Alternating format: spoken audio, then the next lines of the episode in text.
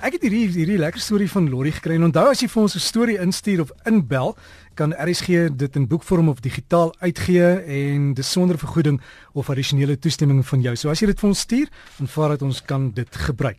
Nou hier is Lorry Grywenstein se storie. En Lorry skryf as kleuter van so 4 jaar oud het my ouers in is dit Battle Freire straat in Nigel gewoon. My moeder het my gereeld na die van 'n Merwes verder af in die straat geneem om daar te gaan kuier en met die maatjies te speel. Die van der Merwe het 3 ouer dogters en een seun gehad wat my ouderdom was. Nou ek en Dolfie was goeie maats en het as 4-jariges heerlik oor en weer gespeel en gekuier. My ouers het na 'n ander dorp verhuis en ons het kontak met die van der Merwe behou. Nou op die Kersdag van 1969 voordat ek begin skool gaan het, was die van der Merwe gesin in 'n noodlottige motorongeluk op die pad tussen Nigel en Brakpan betrokke. Beide meneer en mevrou van der Merwe, Dolfie en suster asook 'n Davids maatjie het in die ongeluk gesterf. Ek het die begrafnis saam met my ouers in Springs bygewoon. Dit was erg ontstellend en ek het my maatjie se dood moeilik aanvaar. Nou ek het nie weer die oorlewende van 'n Merwe dogters uh wat toe by hulle grootouers gewoon het gesien nie. Nou so 45 jaar later het ek 'n kursus bygewoon waar tydens introspeksie gedoen is. Nou Dolfie was ook op my agenda. En kort daarna, nadat ek reeds vir baie jare in Kaapstad gewoon het, was ek ontbied om 'n kliënt in Gauteng te gaan help.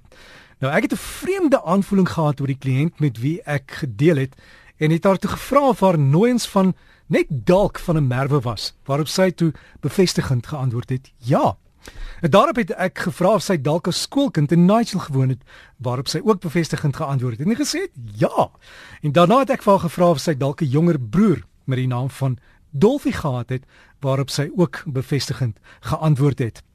Sy was aangedaan en kon nie glo dat ek haar broertjie kon onthou nie. Sy het vir my haar storie van die gebeure rondom die motorongeluk vertel en ek kon toe berusting vind vir die maatjie wat ek al klein tyd verloor het. En uh, Lori skryf ook direk daar was geen manier hoe ek vir Sari van der Merwe in haar laat 50's kon herken in daai daai dan hier. Dit was 45 jaar gelede. En vir my was dit nie toevallig nie en was dit dalk net die begin van 'n reeks geleenthede vir my om sluiting te kry oor die gebeure. Lori, baie dankie vir jou storie. En as jy vir ons 'n storie van toeval het, asseblief stuur dit vir my. My e-pos is D, net 'n lettertjie D by rsg.co.za. D by rsg.co.za.